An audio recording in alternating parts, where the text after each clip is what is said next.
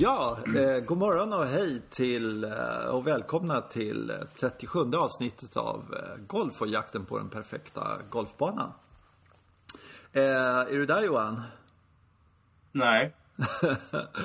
du... Eh, ja, ja, ja, ja, mm. ja, precis. Eh, vad var jag mm. tänkte på? Eh, det är lite sådär eh, antiklimax höll jag på att säga. Med, det, det är så allting är stängt. Som man ser, enda man ser bilder på snötäckta golfbanor, inte bara i Sverige utan liksom England och sådär. Det, det, de åker skidor på golfbanorna helt enkelt. Ja, fast frågan är vad som händer nu framåt helgen här. Men det kanske inte går så fort. Det ska bli plusgrader hela dygnet och så. så jag hoppas ju lite att det så blir bara slår om oss. Ja, jo. Ja, det vore skönt faktiskt. Det är rätt skönt. De där Ja, de här mellanperioderna när du håller på och hattar är jävligt jobbiga. Så att, ja. ja, det är, um, det är februari mm. och sportlov snart och sen kanske. Men, Ja, sportlovet har ju, en, har ju en tendens att vara väldigt slaskigt. Alltså. Ja, det är sant. Det är verkligen sant. Ja. Det är otroligt nog liksom. Ja. Du, eh, lite rolig återkoppling till eh, förra avsnittet. Som vi, då pratade vi en del om eh, Eh, det var min, min känsla av att om man kommer till en ny klubb någonstans så, där, så, så skulle det vara liksom lite mm. eh, svårt och sådär. Eh, och det har jag tänkt på faktiskt att eh, jag tror att i hemlighet så är det ganska många som har lite svårt att komma in på klubbarna. Sådär. Alltså man, man, mm. Du vet, man, man kommer till en etablerad klubb och, och sådär. Och, eh, jag, det var ju länge sedan jag var ny på en klubb så jag har ingen riktig erfarenhet av hur det är. Hur, hur väl man tar hand om nya medlemmar och allting sånt där. Utan eh, där och så pratade vi om det där lite fram och tillbaka. Men fick vi faktiskt en, en eh, respons från en av våra eh, eh, lyssnare. Det var jätteroligt. Ehm, eh, och en kille som heter Jakob som bor i London. Och han skrev till, till oss här och uh, han bor i, i London tror jag, just det. Sen sex år tillbaka. Och så är han lite liksom ny på, och han har inte varit medlem i Sverige utan bara i London så han har ingen koll på riktigt hur det är i Sverige. Eh, men där har han mm. så otroligt ja, smart. Ja, mm. men han har så otroligt smart eh, upplägg tycker jag. I, och det är tydligen väldigt vanligt i, i, på brittiska öarna att de har något som heter eh, Roll-Up Swindle. Det tycker jag. Och det, mm. och det har de några olika dagar i veckan. Ja, minst en på helgen. Och eh, då dyker man helt enkelt upp. Och sen så tar man sin boll och lägger den i en eh, påse tillsammans med alla andra bollar. Plus att man pröjsar fem pund. Mm. Och mm. så drar de fyra bollar av de här som liksom vill spela med några nya eller kanske inte har någon att spela med just den dagen och sådär. Och så drar man fyra bollar och, eh, och så är det winner takes all. Man kör någon slags match av en slag. Men då är, tyckte jag var så bra för att då är liksom eh, eh, winners privilege lite grann att eh, vinnaren får då betala eh, ölen i baren efteråt. Mm. Alltså mm. Det, det, är ju världens smartaste, trevligaste upplägg tycker jag i alla fall. Det är inga pengar, liksom 50 spänn eller vad det nu är. Och sen så eh, just spelar man och sen så tar man öl tillsammans med de här tre snubbarna då eller vad det nu är efteråt. Det är ju super, superbra idé tycker jag. Mycket som är bra med framförallt det här med att, eh, vilket man har tappat rätt mycket nu, att, man, att det är lite socialt sammanhang efteråt. Efteråt ja, ska man ju ja. sitta ner och göra. Man behöver inte dricka en öl naturligtvis, man kan dricka te eller någonting sådär. Men, och, eh, vilket, ja, det har ju försvunnit rätt mycket. Ja. Det borde jag tillbaka. Plus att den här grejen som jag tycker är jättebra, det körde vi med, eh, det känner jag igen från, från lite äldre tider, att eh, det, är, det är vinnaren som betalar. Mm. Uh, om du, alltså vi har ju haft lite matchspel och grejer, så man har spelat någon gång så förlorar man någon match. Så betalar vinnaren i baren. Så, ja, just det, så här, mm. Den har ju haft privilegiet att vinna. Liksom. Mm. Så ja, det, jag tycker det är jättesnyggt. Men mm. sen att de då har liksom lagt in extra. Man betalar först och så får man tillbaka det om man förlorar. Det går ju ja, men det är ju helt genialiskt. Alltså egentligen. Mm. För att då, då är då blir det inte här, fem pund att ge bort till någon annan. Men då får man i princip tillbaka pengarna när man tar en öl efteråt. Mm. Liksom. Mm, eh, och är man ett socialt miffo och bara går därifrån, ja då, då har man liksom inte, fick man inte tillbaka sina pengar liksom. Sådär.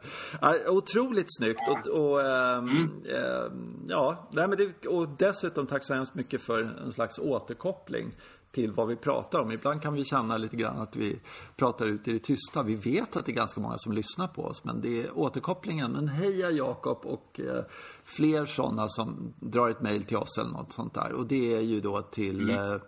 eh, eh jens.vagland med enkelt v at gmail.com. Eh, och eh, så, ja, så tar vi säkert upp det i nästa avsnitt, det lovar jag. Om det är något trevligt eller intressant eller något sånt där. Eh, mm. ja, ja, ja, bra där. Roll Up Swindle. Eh, eller Roll ja. Up äh, Swindle. Roll Up heter det eller så heter det Swindle och det är jättevanligt i England. Eh, typiskt engelsmännen. Alltså. Ja, jag tror det. Ja. Eh, men eh, alltså, typiskt engelsmännen att komma på något så smart. Alltså de är bra mm. på sådana där saker. Det är ju så. De är ena trevliga jävlar i England. Det är ju bara så. Eh, och liksom ja. på något sätt så lättsamma eh, i det där. Eh, alltså de, de är bekanta med folk på, på ett väldigt lättsamt sätt i ett sånt land. Eh, vi är väl inte Ganska riktigt... mycket erfarenhet måste man väl också säga. Ja. ja. Nej. Ska, ska lira på uh, LPGA-touren. Visserligen bara en tävling, men ändå. Mm, ja. Eh, Känd för en, en tävlingskonceptet är ett av hennes koncept liksom. ja, ja, men, men det är ju på ja. hennes hemmabana och allting sånt där. Men det, det jag tycker är så häftigt med henne det är liksom eh, att hon, hon är ju, vad ska man säga, eh, alltså, egentligen bara en blyg tjej sådär va. Mm. Eh, och sen råkar hon vara jävligt bra på golf. Eh, men hon har, fast hon på något sätt in, verkligen egentligen kanske inte vill, vad vet jag, men hon har en enorm utstrålning.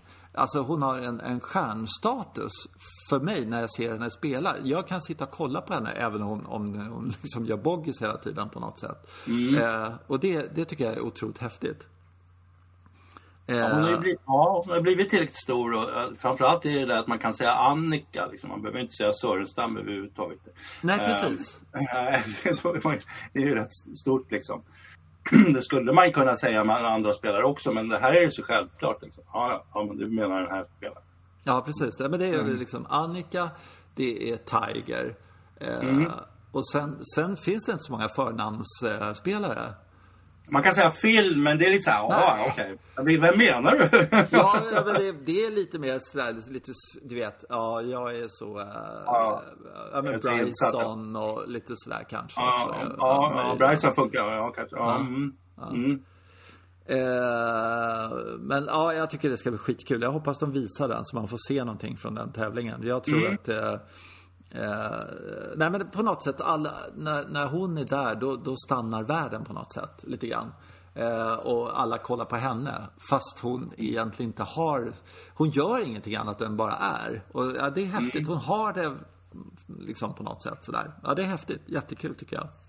Mm, jag tror att det ligger rätt mycket i det här. Man känner, man känner med hela hennes resa. Du vet ju att hon i början där så hon lyckades ju, hon med vilje förlorade tävlingar för att slippa hålla tacktal och såna grejer. Mm.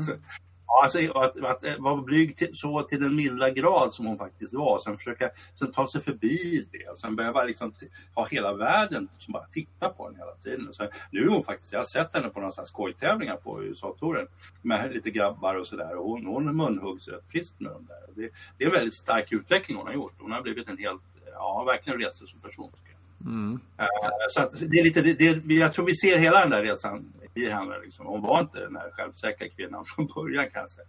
Nej, verkligen inte. Hon ville bara krypa undan. Liksom. Fast ja. så, hon var lite för duktig för det. Nej, men så, så, eh, så tycker jag också en sak som är häftigt med henne. Det är liksom, hon bodde där ute i Brå Bålsta och jag tror det var två dagar i veckan som hon på vintern då, typ den här tiden på året, tog tåget in till centralen, upp till eh, eh, vad det nu blir och sen buss till Tumba-tältet. Stod där och slog mm. eh, och sen så eh, till ja, nio på kvällen och sen så hela den här kommunala svängen hela vägen upp till Bro Bålsta.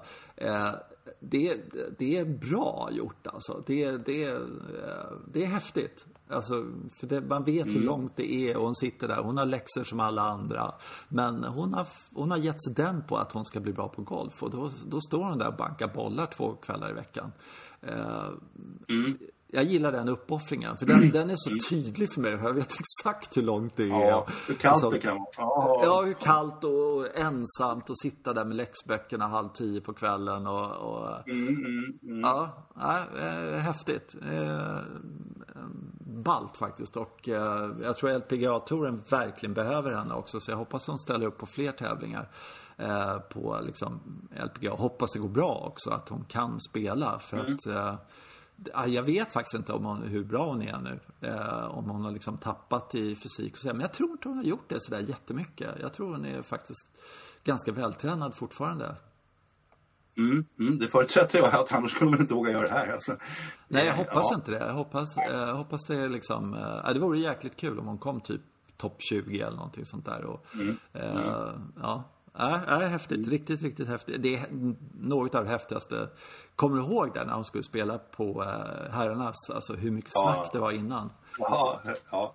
Fantastiskt. Ja, och två slag ifrån klara kvalgränsen. Alltså det, mm. är, det, är, ja. det är så sjukt jävla bra så det är intressant. Och man vet nu hur de kämpar liksom och äh, ja, men, nästan lite halvnöjda när de är och hugger på kvalgränsen liksom. Ja. Äh, jag kommer också ihåg att hon egentligen nästan ångrade sig de sista veckorna inför den här. För det var så otrolig hype när hon skulle spela där. Och det var så otroligt mycket, hon byggde själv upp så mycket förväntningar på sig själv. Så att, så att det var liksom, när hon förlorade, tappade den där kvalgränsen så tror jag att det var en stor lättnad på att det var över. Liksom. Ja, det tror jag också. Ja, ja, var, det, ja. man såg det på henne. Det här var inte helt lätt grej att göra, det var kanske lite dumdristigt. Ja. Men, men, men kul! Ja men det var det. Det var, det var uh, oj vad de skrev om varje hål och precis det här, här kommer de vara tvungna att lägga upp och liksom ja, allting ja. sånt där. Och uh, det, det, det, det, är en, det är en riktigt, riktigt stor grej. Och då var inte hon den första som hade eh, liksom utmanat grabbarna och sådär. Jag tror Babe Zacharis eller Zacharias eller vad han nu heter eh, hade gjort det. Men det var, det var liksom det att det var Annika som gjorde det. Det var, det var också en, en riktigt stor grej för att hon har den Ja, hon har den utstrålningen som ingen annan eh, damspelare har faktiskt. Så ja, det, det är riktigt, riktigt häftigt. Verkligen, skitkul. Mm, det ja, så, det, ja, men det där ser vi fram emot. Så att hoppas hon kör, mm. kör på lite sådär. För jag tror eh, LPGA, PGA-touren skulle må väldigt, väldigt bra om hon spelar hyggligt bra. Det är väl det också, att det, det får inte vara liksom 80 runder som hon går runt på eller någonting sånt där. Det, det funkar ju inte. Men det tror jag absolut inte för att jag, det, alltså man tittar på eh, det finns ju tjejer på, eller damer om man säger, på LPGA-touren som slår oerhört kort och klarar sig runt ganska bra ändå. Så att, eh, eh, ja. Ja, det finns både. Både mm. de som slår riktigt, riktigt långt men, men även de som slår kort. Så att mm. det går att spela utan att ha den där superlängden eh, på USA, eller på LPGA-touren. Så att, ja, vi får se hur det går. Jag ser fram emot mm. det oerhört mycket faktiskt. Mm. Jag, tyckte, jag tycker ja. att det aktualiserar en grej det här med, jag tror att det kommer bli ett lyft för hela, som, som du säger, för hela touren då. Många som inte normalt sett skulle titta på tjejsändningar kommer att titta på, på det här för att se Annika. Och så. Det, vi behöver ju profiler, det är så det är. Alltså, jag har ju mm. en, jag har en, en fundering kring den med profiler. Jag tittar på oss i Open just nu. Då i tennis och så. Och där finns det, det, det finns en del tråkiga spelare, men så finns, det finns en del, de roligaste spelarna är faktiskt riktiga bråkstakar. Mm. Eh, och, och Nick Kyrgios till exempel, australiensare, och han, han dessutom hitt, han hittar på innovativa grejer, underhandsservar och har sig. Lyckas dessutom slå serve med den underhandsserven. mot, mot, ja, mot någon världstrea eller vad team var. Och så här. Det, det bara, och, och, och, kan inte låta bli att showa lite under matcherna och så han tillför så oerhört mycket spänning i hela. Mm. när jag tänker på det så tycker jag nog att grabbarna på PGA-touren är lite, lite, sådär, lite för, de är lite för försiktiga. Alltså. Vi skulle behöva lite mer bråkstakar där också. Eller mm. hur det är, alltså, profiler på något sätt. Mm. Så att, eh, som, man, som man känner, åh, nu måste jag se hur det går. För Tiger har ju alltid varit en sån. Tiger drar ju enorma publikmassor hela tiden, även om han är, inte spelar speciellt, speciellt bra. Det, det, kan till och med vara när han inte spelar bra som han drar mm. publikmassor. Liksom. Mm. För att man liksom, åh, vi vill ändå se hur det går. Liksom. Mm. Ja. Ja, det, det, ja, men eh, som sagt, eh, lite mera, de har blivit lite för snälla. De har nästan tämt dem lite för mycket. Ja, jag kan, jag kan hålla med. ja. Eh, ja. Eh, det kanske inte var bättre förr, men det är sämre nu. ja, precis. Ja. ja men det, det, det är lite ja. sådär att äh, hela den här showen som var på 70-talet och sådär. Mm. Äh, äh, och sen så nu när man ser de här ah, liksom helyllekillarna och alla är så artiga och liksom mm och man, man, ser liksom, man ser aldrig, aldrig att de skäller på sina caddies eller liksom sådär. Utan det, det, det, är väldigt, eh, det är väldigt lamt. Det, det, det kan ja, jag hålla med om. Det, Ja, Medvedev till exempel, han skickade bort sin tränare från, från läktaren häromdagen på Aussie Open. Det, det, det, ser man ju inte att någon, som du säger då, att man, man ser ingen avskedad caddy mitt under rundan och bara Nej, precis. Det borde ju vara obligatoriskt. Nu är det din tur att sparka din caddy här för att uh, jag gjorde det förra veckan liksom. Nu, jag kan inte... Sådär. Och sen ta in någon ur publiken, vem fan som helst, sista tre hålen. Ja, liksom. ja, lycklig, det är för jobbigt att bära. Ja, ja precis. Tänkt... Du här, här har du 100 dollar liksom. Bär ja, två hål. Liksom. Häng på här. Ja, häng på ja. för helvete. Ja, och ja. rappa på liksom. Ja. Nej, men det, precis. Mm. Ja. Där, förresten, jo, det här är ju skitkul. de, de, på, mm. um, apropå caddies eh, noterade en grej, eller det var det här PGA PGA Championship och alltså eh, PGA Tour, vad heter det nu igen? US PGA, alltså de har ju en ja, nu, PGA Championship. Och så har de bestämt mm. att de, de ska få avståndskikare. Och så här, ja, just det. Ja, liksom, det är ju sådär slap in your face caddy på något sätt. Sådär. Liksom, här har ja. caddy mm. en jävla databok. Han har mätt och han betalat en massa pengar för den här boken. Och så, så ja, mm. här får du en mm. avståndskikare. Vad ska vi med, med den till? Vadå, tycker ni inte att vi gör ett tillräckligt, ja. tillräckligt bra jobb? Mm. Eller? Det, det är så... Alltså... ja. ja. hur långt är det? Det är 171 yards till flaggan. Så här. Hur långt är det till bunkern? Det är 167. Är du säker? Mm. så det, det ja, kanske är jättebra. Så ser man hur spelare tar fram det och säger så här. Nej, det är 171,5 till flagga liksom. Eller vad? Ja, alltså, ja. Varför? Alltså, ing, ingen har... Alltså, stod Kajlisarna upp eller spelare så här. Ja, äntligen! Vad vi har längtat efter den här avståndskikaren. Något. Något, ja. Nej, men det är precis. Och det, och, men det, jag kan se situationer, kanske en på tusen, en på tiotusen. När man har skickat ut en drive eller någonting och träffat en trägren och så gått in på andra fairwayen bredvid. Jo, För då brukar man, ja, ja. då brukar man caddien egar sådär. Då behöver caddien inte göra det längre. Nej, det är sant. Det är sant. Om man ser från nians fairway upp till 18 green där, det är inte säkert man gör det. För då är den där kikaren helt värdelös. Ja. Uh, det det skulle naturligtvis vara någon app eller någon dator eller någon sån där telefon eller någonting som det dyker upp på avståndet. Ja, så då får man ju lägga in var flaggan står och allt möjligt. Ja, ja men visst, det är lite knasigt. Ja, jag, det enda jag kan se som det här, det är en konspiration. Det är att de här eh, typ Bushnell och de där, de har helt enkelt slängt ja, in 48 mm. miljarder i det här för att de börjar sälja alldeles för dåligt med sina kikare och folk börjar använda klockor och skit eller något sånt där. Jag vet inte. Och att de ja. har betalat en väldig massa pengar för då kan man säga att Tiger använde den avståndskikaren ja, och mm, något sånt där. Mm. Men, men eh, det, det, man kan hoppas på att det blir lite dålig stämning mellan spelare och caddy. Det är väl det enda som, ja. som kan vara lite sådär att eh, de står och tjafsar om någonting där och sen så, ja. ja är du verkligen, alltså det här förtroendet för caddien som måste vara, eh, liksom, ska du spela bra så måste du lita på din caddy och caddien litar på att du, ja du vet, att det funkar, att det tajmar tillsammans där. Ja, det, och, ja. och så, så, mm. så, har den här lilla jävla maskinen emellan där som kan på, på något sätt sabba alltihopa.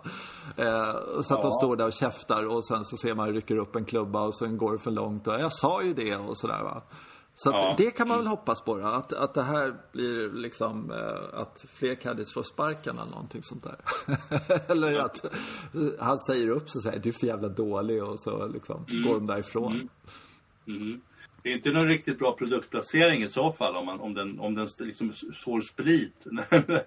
Nej, exakt. Det, det, det, det är det enda jag kan se den kan göra egentligen. Att uh, mm. den snabba upp spelet, I don't think so. Alltså inte de här caddisarna, de, de, eh, de kan ju sitt jobb. De vet ju hur långt det är och de, alltså, uh, plus att sist jag kollade en sån här avståndskikare så är det ju liksom de här dolda grejerna, de ser ju inte liksom i, i kikaren i alla fall. Så att då, då har du ju bara böckerna liksom. Uh, meterböckerna, yardage-böckerna liksom. Men eh, man kan tänka sig, hur ska spelaren göra? Ska de liksom passa på när caddien vänder ryggen mot, eller tittar i sin bok och smyga upp kikaren? nej, jag skulle, jag skulle bara kolla, jag skulle bara kolla. nej, nej, visst, nej. Nej, nej, jag Vad gjorde du? Vad gjorde du? Jag såg att du så här. Nej, nej, nej, jag litar fullt på det. Ja, hur långt är det till bunken? 178. Are you sure? Liksom. Are you sure? Ja. ja. inte bra, inte bra för stämningen. Alltså. Men kanske det blir mer, som du säger, nerv i spelet. Då. Det kan det bli. Ja, ja mm. nej, men det, det, är på något sätt ja. sådär, eh, liksom. Eh, ja, varför hade de det här mötet och liksom, eh, var det bara så här, äh, nu, vi, vi tar bara, ta med den där jävla kikaren för alla andra människor spelar med kikare så att det är bara larvigt. Eller var det någon slags stor, stor diskussion kring det här? Det, ja, det är märkligt helt enkelt, tycker jag. Mm. Det. Mm. Mm. Du, eh, kollar du någonting på Pebble Beach? Eller har du kollat Nej. något?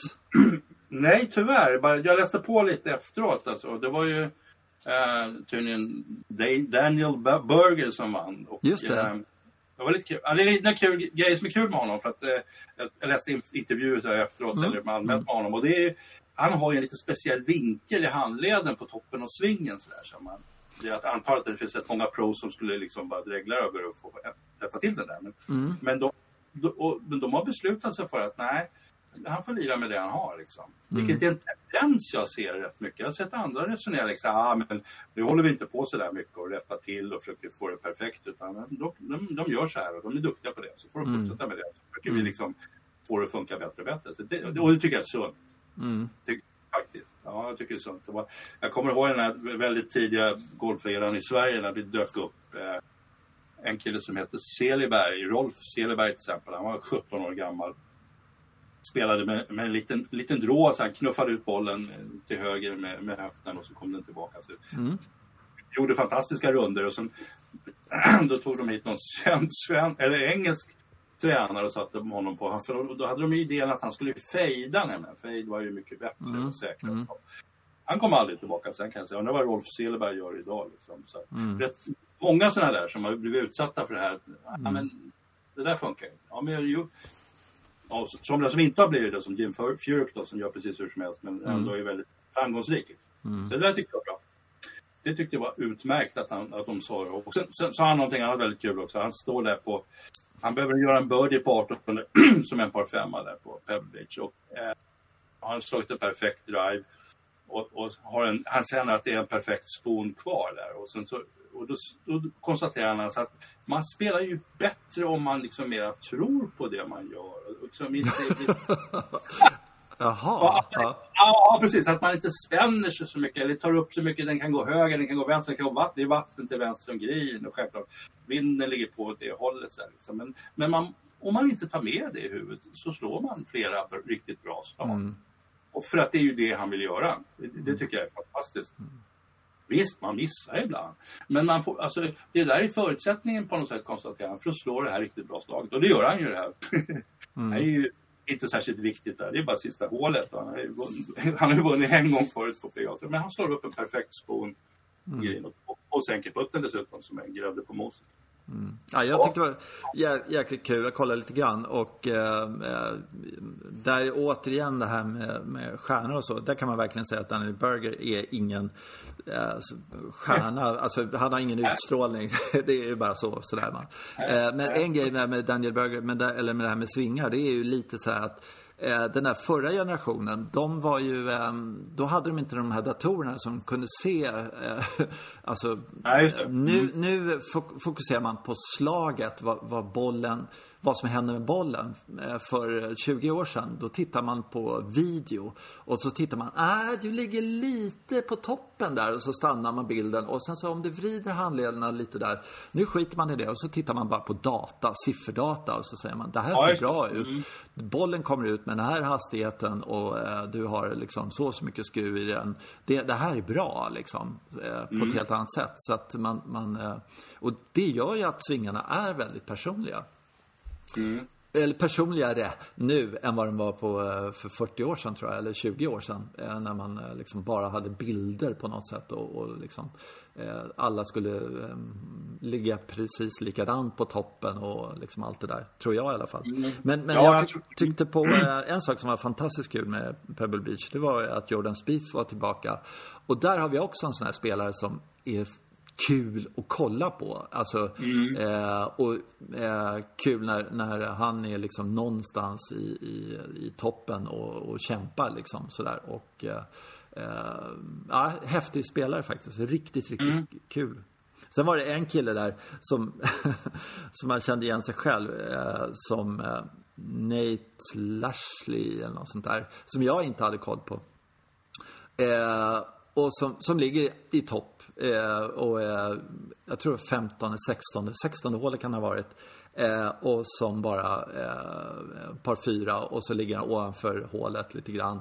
Drar förbi den lite aggressivt och sen gör den där klassiska dumma uppförsputt. Äh, men jag puttar igenom breaket. Ja, Boom, okay, ja. sa det bara. Flög förbi hålet. Jaha, okej. Okay. En returputt på eh, meter eller något. Så bränner han den också. Och sen så mm. riverputten liksom. Fyrputt och tack och hej borta. Det är rätt mm. hårt. Mm. Ja, det är hårt. Men det är å andra sidan sådär, vad, vad ska, ska, han gå för segern? Eller vad, vad, ska han göra? Alltså, ja. Men, ja. men ja, det är väl ingen synd om honom. Han kommer fyra eller någonting sånt där tror jag. Men, men mm. äh, äh, fyrputt liksom. Mm, mm. och det var inte så att det var, du vet, fyrputt från 40 meter eller någonting sånt där. Utan det var fyrputt från 4 meter. Men ens det, det ja, det är häftigt. Mm. Eh, Några snabba fel, felbeslut bara. Mm. Ja, verkligen, verkligen. Nej, sen är det mm. Riviera, det tycker jag är kul. Eh, nästa ja, helg. Hogan Sally, ja. Ja, och framförallt tionde tycker jag är helt sjukt. Mm. Alltså mm. det skulle man kunna ha på hela tiden när varje parti kommer bara till tionde och se hur de hanterar det där eländeshålet. Mm. Det är mm. rätt häftigt att det finns sådana hål. Alltså jag kan inte komma på något annat par fyra som är så Alltså eh, antingen älskar du eller så hatar du eller så hatar du varannan gång och älskar varannan gång. Men när de ligger i den där bunkern har gått för långt och så ligger de där och så ska de, eh, eller för kort menar jag, och så ska de som frestas att försöka komma nära och sen så går de på det. Ja, men jag kan nog få den. Och så rinner det över till nästa bunker. Och sen så landar den så här mjukt, sen sjunker ner i eh, sanden igen. Och så vet de, ja de kan komma därifrån med liksom. De, de, kan, de kan begravas i den där bunkern. Eh, mm. För att de, de kommer aldrig därifrån om de inte bara, nej jag måste sikta 20 meter bort från hålet liksom. Mm. Ja, det är jag vet inte vad jag, Ibland kan jag tycka att det, det, det är så småttigt det där. Jag vet inte hur bred den här grinen är där borta men den kan inte vara mer än 5-6 meter eller något sånt där. Ja, det, är, det är så ja, en lutning och elände. Mm. Ja, det är riktigt, mm. riktigt jävligt. Riktigt jävligt. Mm. mm. mm det finns ju sådana sådana där hål som the postage stamp och sådana grejer som det är inte liksom längd och sånt som gäller utan det är, det är väldigt svårt. Mm. Det är som du säger, det är lutningar och det är bunkrar. Ja. Mm. Det var lite tyst där. Mm. Ja, det kommer jag att tänka på en sak. Ja. Jag, tänkte, ja, jag tänkte på, jag läste en novell för massa år sedan som heter Doktor Mörkets samlade tystnad. Av oh. Heinrich Böll. Har du läst den? Nej. Nej. Det handlar om en ljudtekniker. Jag undrar om inte han sitter på radio någonstans. Så han, han klipper bort sådana där eh, tyst, tystnadsperioder när det blir liksom intervjuer och grejer så är ingen som säger någonting. Så han sitter och klipper bort dem där. Och så klipper han ihop dem till ett enda långt band där han har sin samlade tystnad. är ganska excentriskt. Och jag vet inte varför Böld skrev om det här överhuvudtaget. Jag tappar bort helt och hållet. Men min fråga är, gör du sånt med de här sen? Klipper du bort våran Nej, jag klipper aldrig någonting. Vi, brukar, vi är inte något bra på det där med tystnad. Va? Vi liksom pratar i mun på varandra. Ja, eh, nej, men sen så ibland så eh, har jag ju lite så anteckningar vad jag har tänkt jag ska säga och, eller liksom sådär lite. Ja.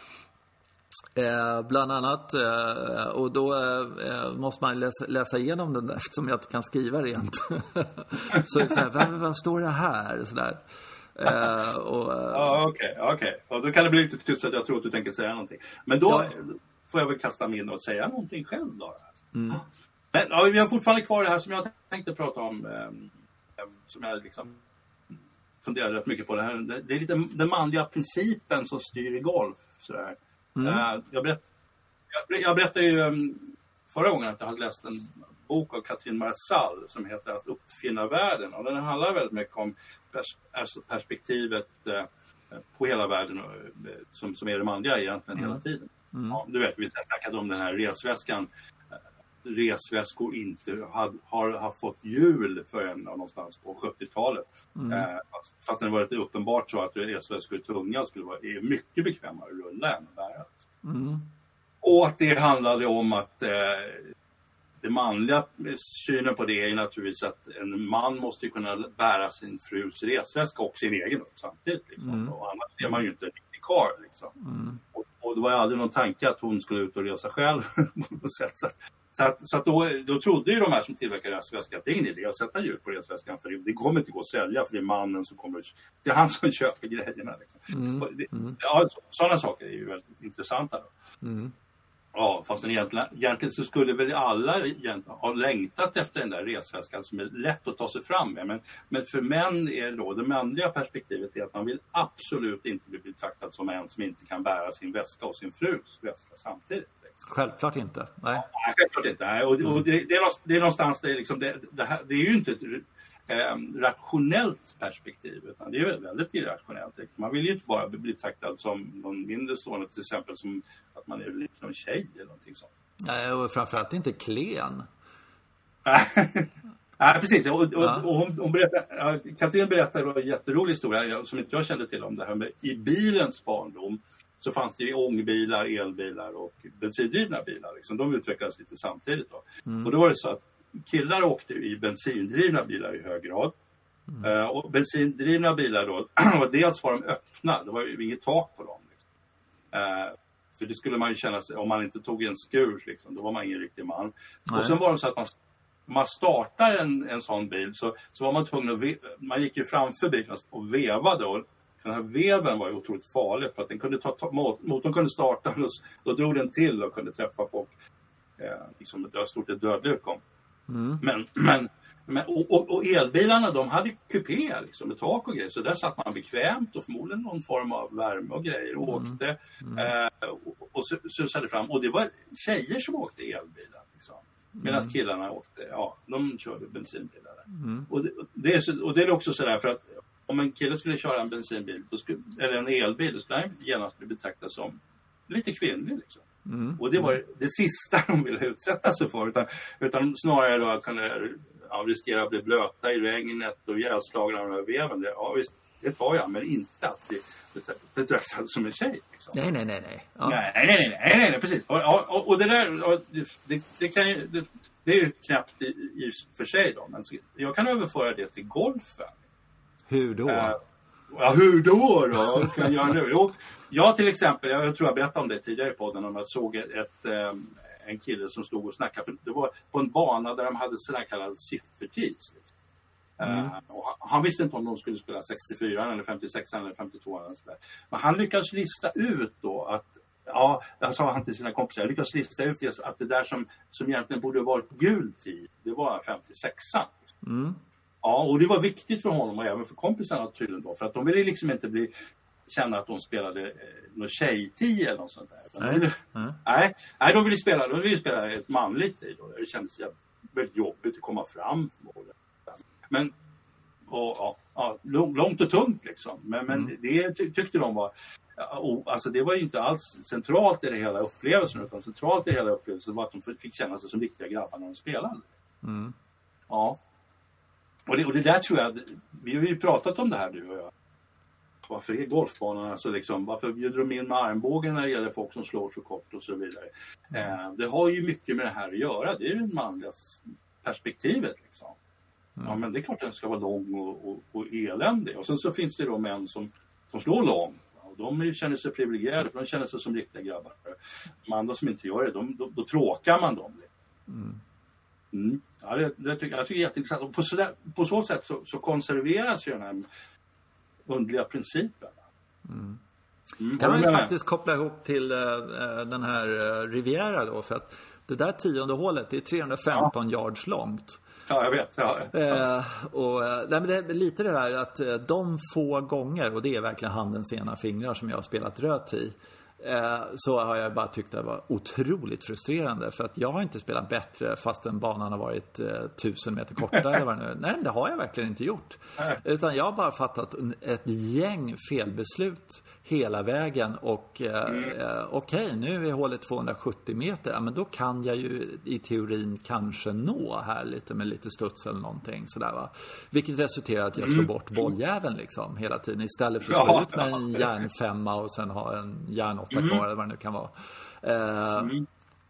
Så, så äh, det har ju direkt så fort jag liksom har liksom spelat röd tid så har jag sagt aldrig mer. För ska jag bli förnedrad, då vill jag bli det helst från ja, liksom, någon tid som jag inte klarar av. Liksom, på något sätt, sådär. Men man får fler, fel förväntningar på något sätt. Och, och sen ja, så, så, så tittar man ju sådär på, äh, hatar jag, tycker slope är så fjompigt, men ändå så tittar man och så ser man, okej, okay, jag har sju slag från gul, gul och äh, noll slag från röd. Okej, okay man får ju lite prestationsångest av den anledningen också. För att golfbanorna ja. är ju eh, liksom ytligt sett bara fokuserade på längd. Mm. Ja, men om man kan tänka sig att man hamnar i en situation man spelar, man, man har ju en anledning att spela rött i och det är väl ofta för att man spelar med, med någon som normalt sett spelar rött i. Mm. Till exempel mm. min fru spelar jag då. Mm. Mm. Och då, då brukar jag tänka, alltså, det blir ju en del eh, par fyra blir 220 kanske, eller som du säger någonstans. Mm. Och, då, och då, om man då lyckas hålla kvar det här behöver ju inte ha det jättekravet på mig att det ska träffa green med driven. Men det är mest att den ska komma så pass nära att jag kan krama ur en väldigt god chans för en trea. För jag behöver en trea för att hantera min fru som förmodligen ja, gör en mm, fyra mm, mm, mm, Så att, så att på så sätt, jag har fått en positiv upplevelse av att spela röd och även blå till. Vi gör ju det rätt mycket. Men jag håller med om att det, det, kräver en viss vana för att det är jättemycket, som du säger, attityder som finns i vägen när man gör det första gången. Säkert. Ja, alltså, ja. samtidigt måste jag säga att eh, Ska jag tycka att eh, golf är kul, då, då vill jag komma upp på tee och, och känna, oj, det här, det här är en utmaning. Alltså på något sätt, inte göra en trea, men, men alltså, eh, men, men det, på eh, något hål på eh, vad var tio, 11 ner, en par trea som vi har på Österbergstensen då. Så hade de ganska länge då eh, en järnsjua in där liksom, typ sådär 120-130 meter eller någonting sånt där. Och sen mm. så tyckte de av någon anledning att så flyttade de fram den tit sådär och så ska man slå wedge och då surar jag varje gång liksom. Mm. Då tycker inte jag då vet jag att eh, eh, här ska jag liksom träffa green med en wedge. Eller det, jag, jag, jag, jag vill ha den här liksom kittlande, det är svårt det här istället för att det här är ett lätt hål. Alltså hela tiden vill jag ha mm. den känslan att det finns någon slags svårighet. Inte att eh, Uh, liksom, allting är... Uh, ja men du vet, det är som en värsta puttarna som finns, det är de där meterputtarna. Alltså, hur svårt är det att mm. slå en bolljävel tre, en meter? Det är ju jättelätt, alltså missar man liksom. Då är det mycket mm. roligare med, med en fem meters med break för att uh, det, det är svårt och man... Det är förlåtligt att, att inte sätta den, förstår du vad jag menar? Mm. Och det är likadant ja. om man går fram på mm. röd tid så tycker man liksom, ja men allting över 72 eh, är, är, en katastrof. Och alltså gå ut med den känslan från början, det är jag inte... Eh, jag, har, jag har inte lyckats hantera det. Så kan jag säga. Jag tycker att sånt är öken. Faktiskt. Ja, jag, okay. jag, kliver, jag kliver, om någon säger så här, men ska vi spela backtid då? Liksom, då är jag med på det. För där har jag inga förväntningar på något sätt. Mm. Okay. Då, då mm. vet jag att det är o, överjävligt svårt och eh, eh, det, är liksom, det är helt okej okay att slå bort sig. Jag tycker det är mycket lättare att hantera istället för att ska vi spela en bana som, som är wedge-spel idag bara sådär. Det, det, ja, jag kan inte hantera det. Jag är mycket svårare för sånt faktiskt. Det blir, ju, eh. det blir inte bara wedge-spel för det, det, vi har ju säkerligen fyra stycken par femmor också och de blir ju plötsligt, ja, för, mm. för mesta är de en, en bit under 400 meter och då börjar man känna sig okej, okay, här går det ju, jag kan inte kräva att jag får gå in på två hela tiden, men jag ska ju vara, vara där framme någonstans. Det, är ju liksom, och det är samma, ett antal par fyror som man känner jag ska vara där framme. Så Men okej. Okay, jag... Ja, men de där par femmorna då, så, så är de 400 meter säger vi då. Eh, mm. och då känner jag att om inte jag träffar green på dem, eh, då, är, då är det inte bra. För det här är alltså en enorm chans att göra en eagle då eller någonting sånt där. Ja, och då, eh, då ta i för kung och fosterland och så lyckas jag inte med det liksom, av den anledningen. Mm. För att då är, då är jag hellre uppe på 450 eller 470 eller någonting. För att mm. då vet jag att det är helt okej okay att inte träffa green på två utan liksom komma i närheten. Då spelar jag mer eh, liksom, eh, vårdat kan man väl säga. Sådär. Jag får prestationsångest helt enkelt. Det är väl det det är. Men om du, om du kommer fram till ett par fyra som är 400 meter, då vet ju jag att du känner oj, den här var svår. Det här finns ju inget krav på att jag ska träffa green, utan bara jag kommer någonstans där i närheten så kan jag försöka hantera närspelet sådär. Liksom. Men, men då, då blir det mycket jobbigare för dig när det står par fem på den där. Ja, absolut. Ja. Ja, men par okay. fyra, liksom, då, då är en bogey som är 400 meter helt okej. Okay. Men ja. Eh, det finns någon, det, alltså det, det, är någonting med riktigt svåra hål som jag tycker är, är mm. frestande eller liksom eh, mm, jämförelse okay. med de här eh, som, som jag kan tänka mig lite grann att de har på postage stamp lite grann sådär att det ser ju, de vet ju, det är ju bara slå ett slag som de kan du vet, de kan det här slaget. Det är för lätt slag.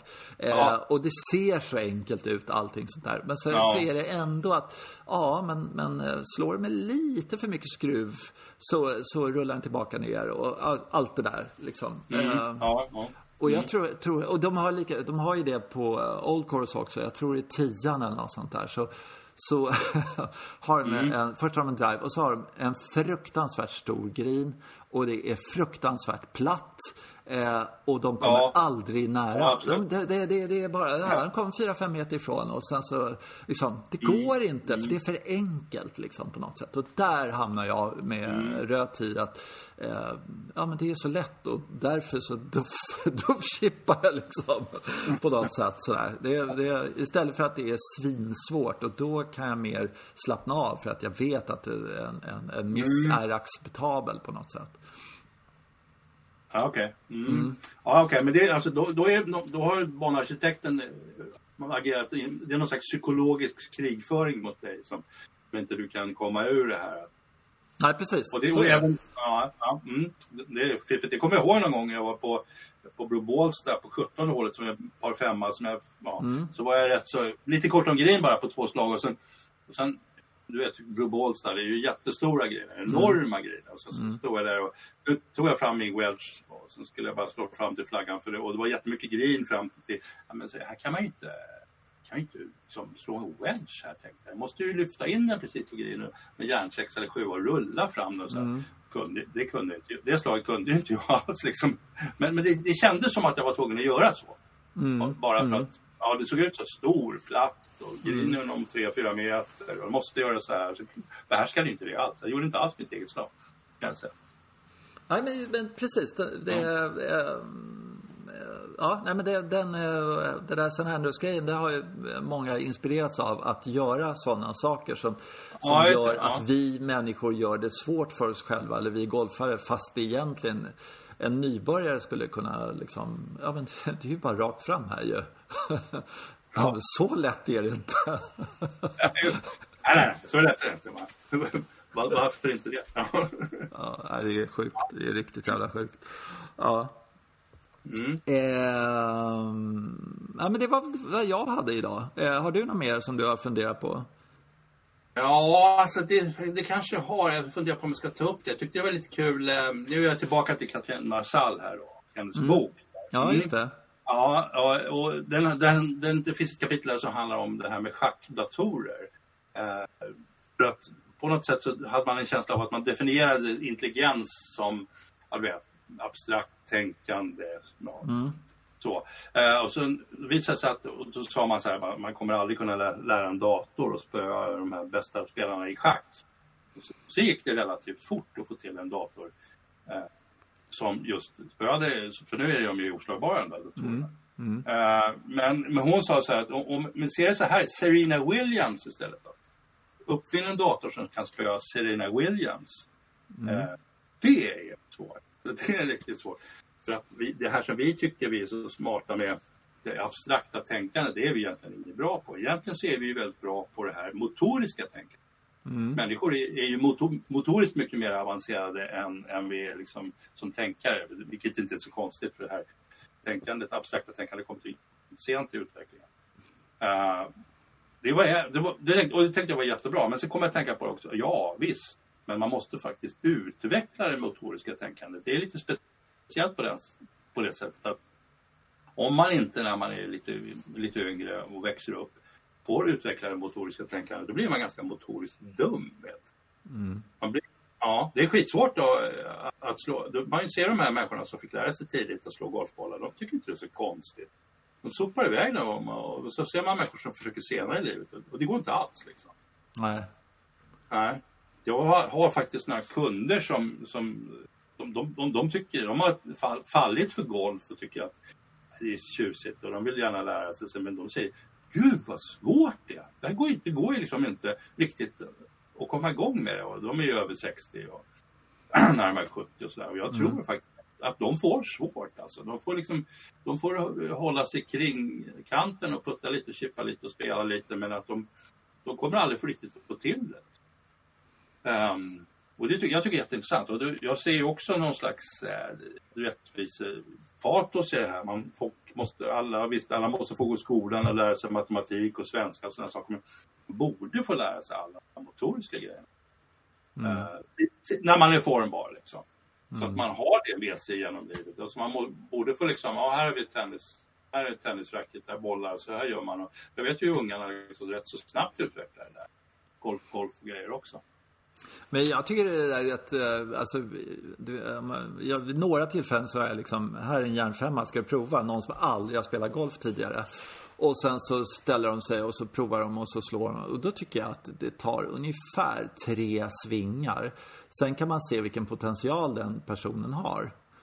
Mm. Alltså att det här motoriska, jag vet inte om de har lärt sig det. Alltså eh, bara att när de var unga eller liksom eh, på något sätt sådär. Men, men jag tycker att eh, eh, just den här vad ska jag säga, klippet i händerna eller klippet i svingen, alltså hastigheten i, i allt det där, så kan man se wow, det där, det där kan bli någonting. Han kan säkert bli ja, minst tio-handikappare eller hon kan bli eh, ja, scratchspelare, vad som helst sådär. Att man, man ser hastigheten hos någon eh, i, i klippet och sen ser man andra som eh, inte har det där klippet helt enkelt i händerna. Eh, och jag tror, jag, man kan... jag, tror, ja. jag tror att du kan, alltså om du, om du forskar lite, för jag kommer ihåg hur det var när bandyspelare till exempel. Det var ju så mm. självklart, man satte golfklubbar i händerna på en bandyspelare, du, du, du bara smäller ju. Mm. Mm. Och, och, det är lite samma sak med liksom folk som håller på med racketsport. Det finns också en potential där. Mm. Men om man inte har någon form av sån skolning som väldigt, rätt, alltså som har kastat saker till, det är en kaströrelse, det, då, då, då, har man ju lärt in sig någonting. Men killar kastar saker till, tjejer gör inte det för det, det är inte riktigt upp, det är inte riktigt socialt accepterat. Så tjejer har ofta väldigt svårt att sätta ja. fart på någonting. Om man, ja. om man kommer in med det för sent i livet. Liksom. Ja. Så jag tror att det är väldigt mycket så. Det var ju någon som resonerat kring det här med sydafrikaner. Det finns ju en massa knattiga sydafrikaner. Ja, ja jag är alltså inte knattig, men det finns några andra korta spelare på, på mm. Europatouren. Ja, och de slår ofantligt långt. Så, mm. så var någon som sa de pysslar mycket med sånt där. Det är cricket och det, mm. det, är, liksom, det, det, är mycket slå och sätta fart på. De, de, de tränar det hela, hela barndomen. Mm. Så, mm. tar, har de det. Så att, ja, jag tror att, man, att det du ser när du sätter den där klubban i handen på någon, det är ja, okej. Du kunde lite av det här. Du är lite skolad, fast det var från något annat än just golf. Ja, precis. Du har kastat väldigt mycket macka i dina dagar. Ja, till exempel. Ja. ja, mm. ja. För då får man ju den rörelsen. Den är ju väldigt associerad. Ja, ja, eller kasta mm. boll till varandra eller precis vad som helst. Eller baseball eller, eller någonting sånt där. Snöbollskrig eller ja, man ja. slängde. Jag kommer ihåg att jag slängde saker och ting jag var, jag var fascinerad av bollbanor och kastade snöboll. Jag stå flera timmar och kastade snöboll. ja, men du är lite eljest. ja, jag är lite eljest. Alltså. Jag tror inte att jag är ensam om det på något sätt. Eller? Ja. Det, har aldrig, det har aldrig gjort mig någon skada med mig. Ja. Ja, men det var en reflektion jag har. Men jag tycker att det är synd. Det är ju alltså, så är det ju nu. Folk, eh, ungarna får inte lära sig så mycket motoriska saker. Men jag tycker att det här skulle finnas, det skulle finnas en sån här grund. Precis som det finns en definition av vad man ska kunna för en teoretiska ämnen. Skulle det finnas mm. motorisk, det här måste du kunna. Mm. Annars, mm. Ja, det kan komma upp i din kropp, i ditt liv, det här att du behöver det här. Och du ska få ha en grundskolning i det. Det tycker jag absolut att man borde gå igenom. Mm. Ja, det var säkert rätt. Det är ju lite, för att man kastar med höger, man är högerhänt så kastar man med höger. Så har man ju provat några gånger att svinga från vänster. Och då har man ju ja. den där liksom kaströrelsen, kasta macka med vänster hand, glöm det. Det ja, finns visst, liksom ja. inte. Och den Nej. måste ju naturligtvis eh, kunna tränas upp till samma nivå som, mm. som andra. Eh, skulle man kunna mm. Om man var ung och började från början. Det har jag alltid tänkt på med vänster, alltså fotbollsspelare och sådär. Att man skulle kunna vara liksom från början bara, nej nu ska jag kunna skjuta lika bra med vänster som med höger. Nu, idag har vi träning bara med vänstern. Eh, och mm. eh, Ja, nej men det, ja, ja, ja intressant, intressant. Men du, jag tycker vi... Ja. Ja, vi, vi ska bara berätta, vi hade ju en kompis som gjorde just det där. Hon säger, han spelade fotboll och ishockey i och för sig också. Då. Ja, han var ju högerfotad men han tänkte att det måste kunna med vänster också. Så stod han och nötte och nötte på sån där kaninbur som vi hade vid radhuset där. Mm. Och han, var, han var, blev lika duktig på båda fötterna. Att, och, och hade säkert nytta av det också när han spelade fotboll. Sen valde han ju att spela ishockey tyvärr. Så att, mm. det var bortkastat. Tyvärr. Ja, jag, jag, spelar en del fotboll. Jag, jag gav mig den på att bli bra på vänstern och sådär. Eh, okay. och den, den blev bättre alltså. Det blev ja, ja, jag, jag, har alltid, jag har hört om en del eh, som har med sig en vänsterklubba i vägen på träning och sådär. Eh, proffs ja, liksom, bara för att hitta balansen i kroppen och, och på något mm. sätt eh, väck, väcka liven och annat. För det, det, är också en grej som jag funderar på sådär. Eh, du vet Bubka han tränade ju ballett ja. dans och var, allting sånt, balett. Ja.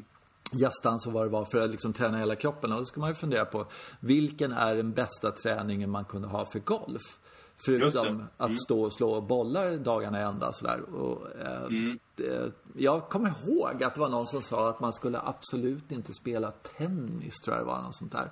För det var inte bra för mm. Det här är 70-talet och det är ju bara larm ja. naturligtvis. Men, ja, men det, då var det det liksom att, ja men du vet, det, man har, använder inte handled när man spelar tennis. Jo, det gör man ju. Men, men, ja, men det var sådär. Och då, då skulle man ju fundera på liksom, eh, okej, okay, jag kan inte träna golf nu, men jag kan, ja, vad då? Är det kasta macka eller kasta snöboll? Ja. är det det som är grejen? Vi ska ha snöbollskrig hela dagarna för att bli bra på golf. Timmar, liksom. timmar av snöbollskastning. Tyvärr är det sällan väder för det.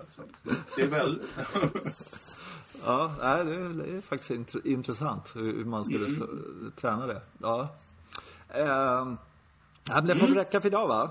Ja, nog om detta. Mm. Så eh, hörs vi om en vecka då? Okej. Okay. Okej, okay, mm. vi hörs. Ha det bra. Ciao. Ja.